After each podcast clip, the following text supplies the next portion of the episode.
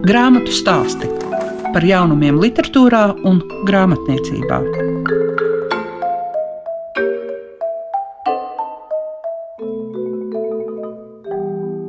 Esiet sveicināti tie, kas šobrīd ir grāmatu stāstu klausītāju vidū, un es liegu piešiņu pievērsīšos divām grāmatām. Jūs dzirdēsiet Dagmāru Prībergu, kura vēstīs par mežģīņu mantojumu Latvijā, bet vispirms uzzināsiet par Alberta Reihenbacha grāmatu Vērts dzīvot Latvijai. 2020. gada janvārī, kad Albertam Reihenbacham tika svinēta simtgadu jubileja. Grāmatu stāstu klausītāji šobrīd var doties uz ūziņu pusi, un vispirms varēsiet dzirdēt Alberta Reihenbacha vienu no meitām, Anitu, kā tad aizsākās šis stāsts.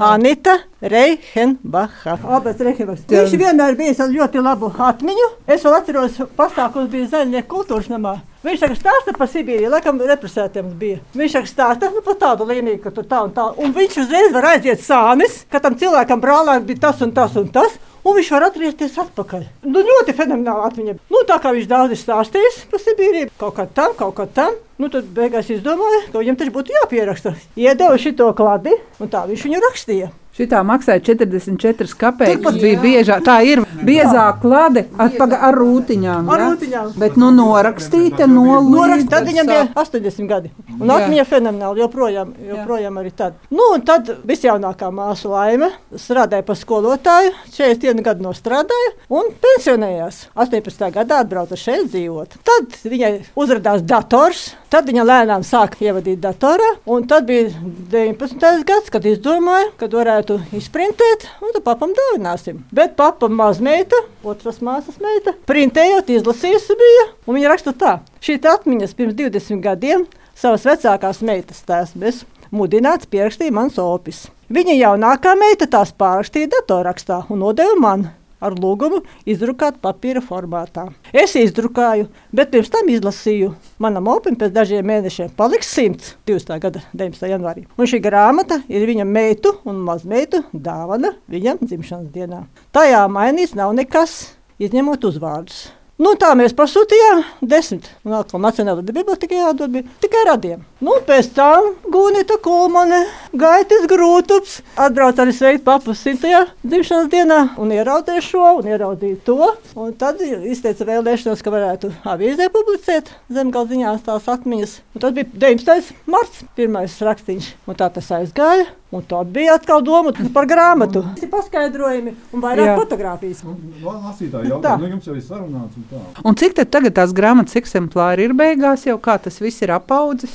Tūkstots eksemplāri. Grāmatas svētki bija zaļniekos Ziemassvētkos, kad mēs ar mākslinieku Gatu Cīrulu, kas pats ir no zaļniekiem, dāvinājām kāds simts grāmatas visiem tiem vecajiem ļaudīm, kas pazina Albertu un, un lai viņi sēž mājās un lasa, nestaigā apkārt. Lasītājiem gāja pie sirds. 18 turpinājumos bija zemgala ziņās un prasīja, jums taču grāmatai jāiznāk iznāk. Pie tādas attieksmes, kāda bija ģimenē, ka lūdzu atklāt jau ar visiem pareizajiem uzvārdiem, viss aizgāja jau un viss. Izvērtējot arī to, lai tas ētiski viss ir normāli. Es ļoti ceru, ka tā grāmata kā tāds antidepresants būs tādā, varbūt, tādā laikā. Bet par mīlestību kā runā. Visvairāk tajās vēstulēs. Pat tā vērts vienu to grāmatu taisīt, ka tas prieka brīdis pirmais. Bet tagad jurists Cīrulis, bez viņa tā nebūtu tā grāmatā sanākusi, viņš ir nolēmis dāvināt Nacionālajai bibliotekai, lai būtu visās novada bibliotekās. Cik mums vēl novada tagad ir 109? Mums tā doma tāda. Es gaidu tev pajautāšu, tu pietiekami daudz seko atmiņām, un šajā reizē jo īpaši runājam arī par to novadu pētniecības pusi un tās savas vietas izpēti. Kas tev šķita atšķirīgāks? Ko tu varētu teikt? Jo nu, gal galā tas, ja cilvēkam arī ir tik laba atmiņa, viņš vēl ir līdzās. Tagad 101 palika. Tas ir stāsts par mīlestību. Tas jau ir tas, kas jau bija 7 gadu, 8 gadu vecs puika. Man valdes lūks teica, nākšķiet par mīlestību jauno literātu pulciņu saldojumā. Mīlestība ir tā, kas ir palīdzējusi izdzīvot visādos apstākļos, ne tikai Sibīrijā. Un tas atšķir šo grāmatu no daudziem Sibīrijas stāstiem, kur ir vairāk tas traģiskais. Šeit tā netrūkst, bet tā mīlestība ir pāri pārcedās. Un te vēl tās mīlestības vēstules, par ko Vigita Pumpa kur domā, ka varētu iznākt arī lūga. Man liekas, ka tā stāsta pamatā tiešām ir apakšā. Tas galvenais, ka tās ir tās vēstules. Jo grāmatā tur par tām vēstulēm tik daudz nav, un nav arī tik daudz par to mīlestību.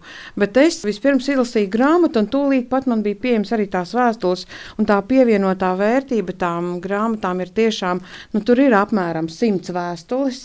Tās ir saglabājušās? Jā, viņas ir saglabājušās reāli. No Vēstules aptver no 45. līdz 48. gadu, un tur ir iziets viss tas tas skaistais posms cauri tā cerēšanās līdz pat pēdējās vēstules, kur viņš jau viņai raksta kā sievai. Nu, viens traģisks, skaists stāsts, bet ar tādu, jāsaka, ar tādu pozitīvismu, ka tā mīlestība tai Sibīrijā, nu, nu tā bija milzīga nozīme. Nu, protams, visi domāja par dzimteni, bet ikdienā katru dienu domāt par Latvijas tajos apstākļos bija ļoti grūti. Bet tad bija tie blakus cilvēki, tad bija ģimene. Un, protams, ka jauniem cilvēkiem ir ļoti svarīgi tās attiecības. Un tās arī, domāju, ka tās bija tāds kaut kāds glābiņš sava veida visā tajā, kas palīdzēja izdzīvot. Jo tie apstākļi, kādos viņi tur dzīvoja un kā tur viss bija, tas vairāk ir grāmatā, tas tiešām ir smagi.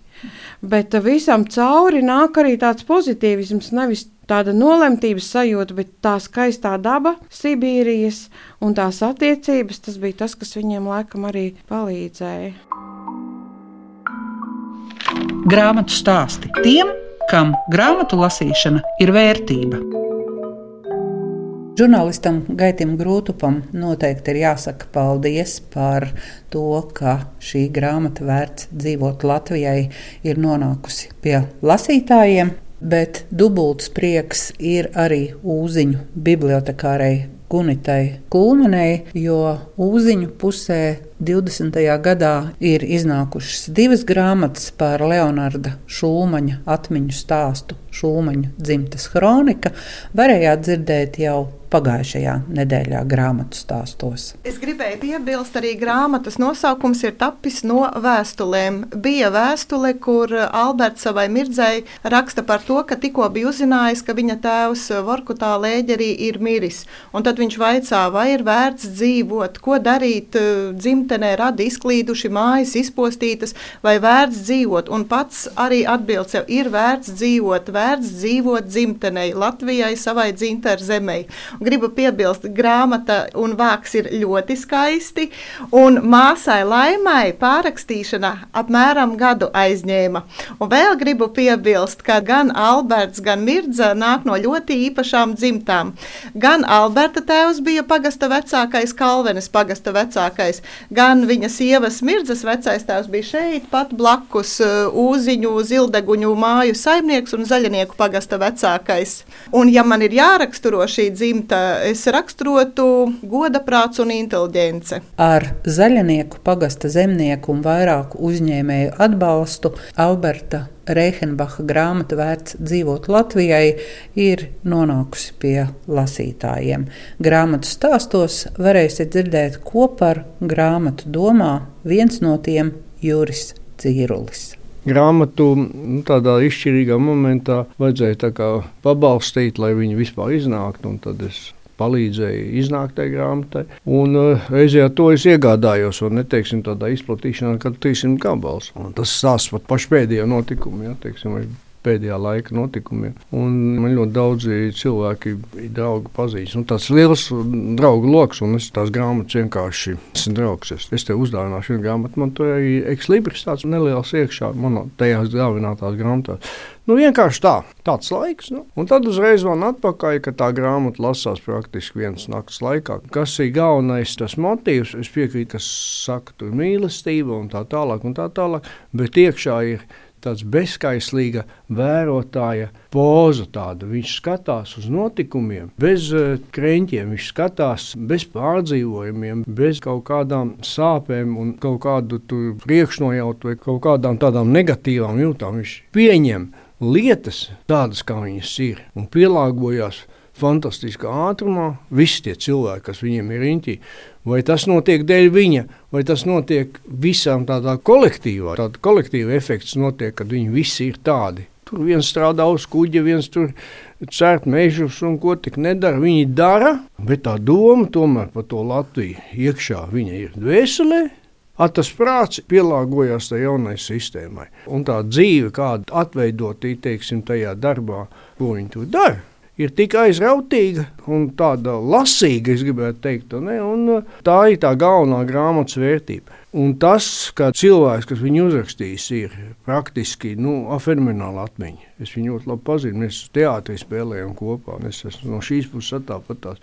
Un eh, jau tajā laikā tās lūgas iemācīties, viņš visiem tur teica priekšā. Jo tāpēc, viņš zināja visas lomas lūdziņā. Mugurkauls ir. Nu, ir mugurkauls, un mums visiem latviešiem ir mugurkauls. To īpaši nevajadzētu nevienu slavēt. Bet tas, ka ir šis miers, pareizais dvēseles stāvoklis, kādam būtu jābūt gan šī Covid laikā, gan arī tādos apstākļos, ja tev tur iemet iekšā, nu nezinu, kur Sibīrijā, koncentrācijas nometnē, nu cietumā. Nu, ir cilvēki ir pret savu savu gribu atradušies dažādās vietās, dažādos apstākļos.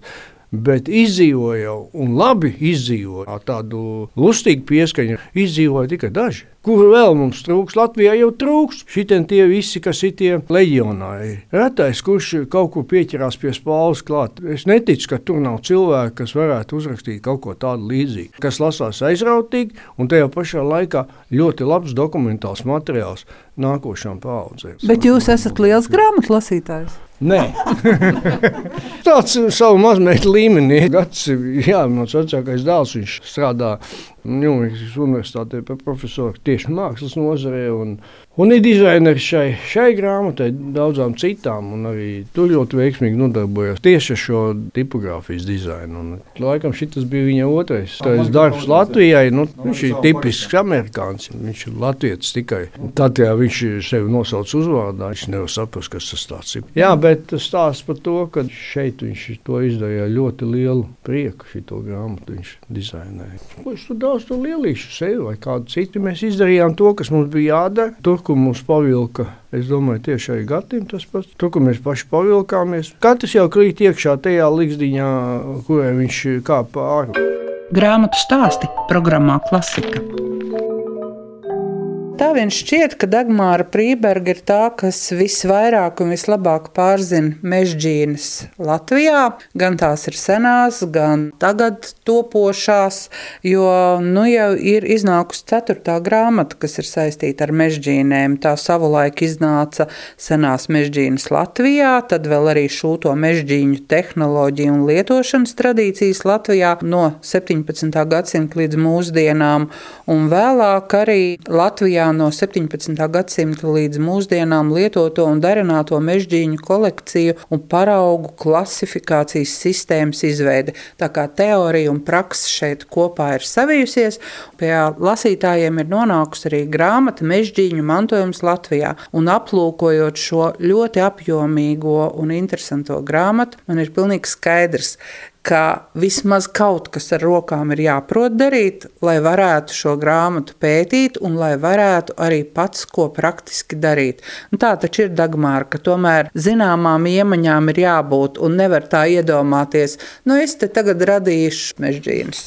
Protams, pats galvenais, kāpēc šīs jomas pētīšana nesākās, bija tas, ka tieši interesēja tās mežģīnas, kuras lietoja un darināja Latvijas teritorijā. Un, kad sākās šis pētniecības darbs, tad izrādās, ka tas nemaz nebija tik vienkārši, jo pastāvēja ļoti liela diference, teiksim, apģērba kultūrā starp augstāko sabiedrību un tautu. Pastāvēja ļoti daudz politiski, sociāli apstākļi, lai tās mežģīnas arī savu dzīvi Latvijā iesāktu vienkārši vienkārši. Bet tieši mani aizrāva tas moments, kad es iestājoties tautas lietišķajā studijā Bārbelā, kā dalībnieks, darināju Latgales tautas apģērba. Un bija pārsteigta par to, ka nebija kur mežģīnas iemācīties, kas viņas darina, jo mums jau ir ļoti daudz tomēr literatūras par tautas tērpu. Latvijas raksti mums ir un visur šīs mežģīnas ir redzamas. Bet, lai viņas vai iemācītos vai saprastu, kā ir, šādas informācijas nebija un bija grūti. Un tad es sāku šis ceļš, lai varētu šīs mežģīnas tajā tautas tērpā tiešot, lai viņas varētu uztaisīt. Nu, nebija tik vienkārši. 1998. gadā es jau biju tik jau satrakojusies, kad uztaisīju jau pirmo mežģīņu izstādi, senās mežģīnas Latvijā, un tad parādījās tāda situācijas izpratne, kas tad ir un kas tad nav, ko mēs protam, ko mēs darām, kas mums ir muzejos, kas mums nav muzejos. Tad es tam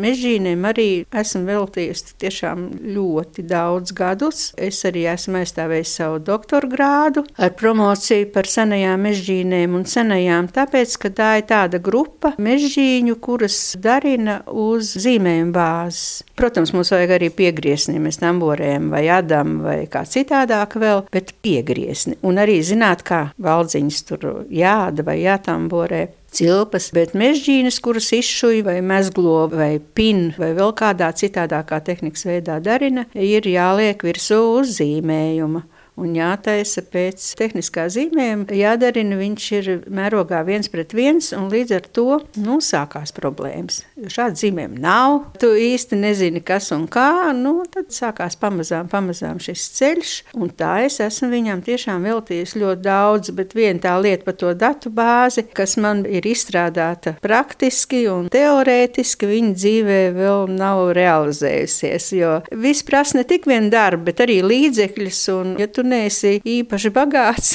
tad eh, tas ir diezgan sarežģīti, jo katra šī lieta prasa ļoti daudz projektu iesniegšanas. Iepriekšējā grāmata, kas senās mežģīnas Latvijā, ticiet, neticiet, es iesniedzu 17 projektus, lai viņi varētu realizēt, protams, dažādos konkursos. Šai lielajai grāmatai, paldies Dievam, ir drusku mazāk, bet nu neteikšu, ka arī tas ir viegls ceļš. Ja mēs runājam tieši par nemateriālo kultūras mantojumu un mežģīnēm, tad vai ir tā, ka sākās vienkāršākas tās mežģīnas, ar laiku viņas kļūst krāšņākas. Jo, ja mēs vērojam tieši to, kā ir pasaulē, tad tās mežģīnas ir, nu, sevišķi, ja mēs redzam nu, tādas augstdzimušu pārstāvi, tad tur jau elpa aizraujās. Elpa aizrāvās arī 17. un 18. gadsimtā arī Latvijā, jo nav tādu rakstītu, un vismaz es neesmu sastapusi tādus rakstītus avotus, kuros būtu nu, šī liecība, ka mežģīns ir darināts Latvijas teritorijā. Tas, ka Eiropa bija Latvija un Latvija bija Eiropa, tas bija pats par sevi, un arī to visu, ko valkāja un nesāja un lietoja Eiropā, augstajos galmos, tieši tāpat lietoja arī Latvijas galmos. Un līdz ar to eh, ļoti smalks mežģīns mums ir pateicoties Rundāls muzeja krājumiem, kur ir tiešām saglabājušās šīs liecības. Brīnišķīgs mežģīns, ja tas interesē, vajag iet un skatīties Jelgavas muzejā, gan eh, Rundāls, tāpat Rīgas vēstures un kuģniecības muzejā un arī Nacionālajā vēstures muzejā un muzejos Latvijā ir sastopamas mežģīnas, pa kurām mēs nevaram pateikt, ka viņas ir darināts Latvijā. Tad, protams, 19. gadsimts, kā jau viss atmoda, tā atmoda bija arī mežģīņa darināšanā visās, visās pilnīgi jomās, un līdz ar to tad aizsākās tāda, nu varētu teikt, latviešu tradicionālo mežģīņu darināšana, un tad jau ir liecības, kā viņas notiek, kā viņas ir zīmētas. Brīnišķīgi liekas vienkāršas un skaistas linu mežģīnes, un tad pie smalkajām mēs varētu uzskatīt izšūt stils, kur mēs ļoti labi un daudz redzam vidzemes eh, tautas tērpu apģērbu komplektā, kad šīs mežģīnes ir, nu, kā saka, tāda atblāzma no smalkajām galmu mežģīnēm, bet šīs senās mežģīnes Latvijā varētu teikt, tomēr aizsākās diezgan vēlu. Tā īsti neiesakņojās mežģīņu darināšana. Mums ir brīnišķīgi baltie izšuvu ļoti daudz skaistu rokdarbu, dzimdi zeķis, un es nezinu, ar ko mēs tik varam savā tautas lietas šajā mākslā būt lepni. Mēs arī esam lepni. Šīs visas ir lietas, ko es tagad nosaucu, viņas jau bija tā kā nostiprinājušās. Mēs vēl līdz šai dienai stipri raudēji, stipri radītāji un, un rakstu rinātāji savos etnogrāfiskajos un tradicionālajos izstrādājumos. Tad mežģīns tomēr tik stipri neienāca, bet vienalga, ja jūs apskatītos kaut vai to, ko es tagad esmu aprakstījis, rakstījis, tad ir skaidrs, ka mēs arī esam centušies un mums ir ļoti daudz skaistu mežģīņu. Dagmāra, kādas ir pašai tās mežģīnas, ko jūs lietojat? Es esmu uztaisījis tās mežģīnas, kas ir vajadzīgas tautas apģērbā. Tad man ir arī tādas, ar ko rotāties manos tērpos, bet godīgi jāatzīstās, ka es vienmēr savus savas prasmes atdodu vairāk citiem cilvēkiem savā mūžā, strādājot ilgi, vadot studiju un kā vairāk ar to metodisko darbu. Te man jāsaka, man tā kā kurpniekam gandrīz gluži varbūt tā nav, bet tuvu tam. Izskan grāmatu stāsti. Šīs dienas raidījumā dzirdējāt par Alberta Reihenbacha vērts dzīvot Latvijai un Dagmāras Prībergas mežģīņu mantojums Latvijā. Visu labu jums saka Lieka Piešiņa.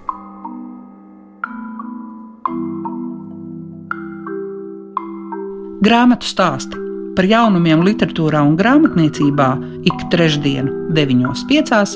ar atkārtojumu Svētdien, 18.15.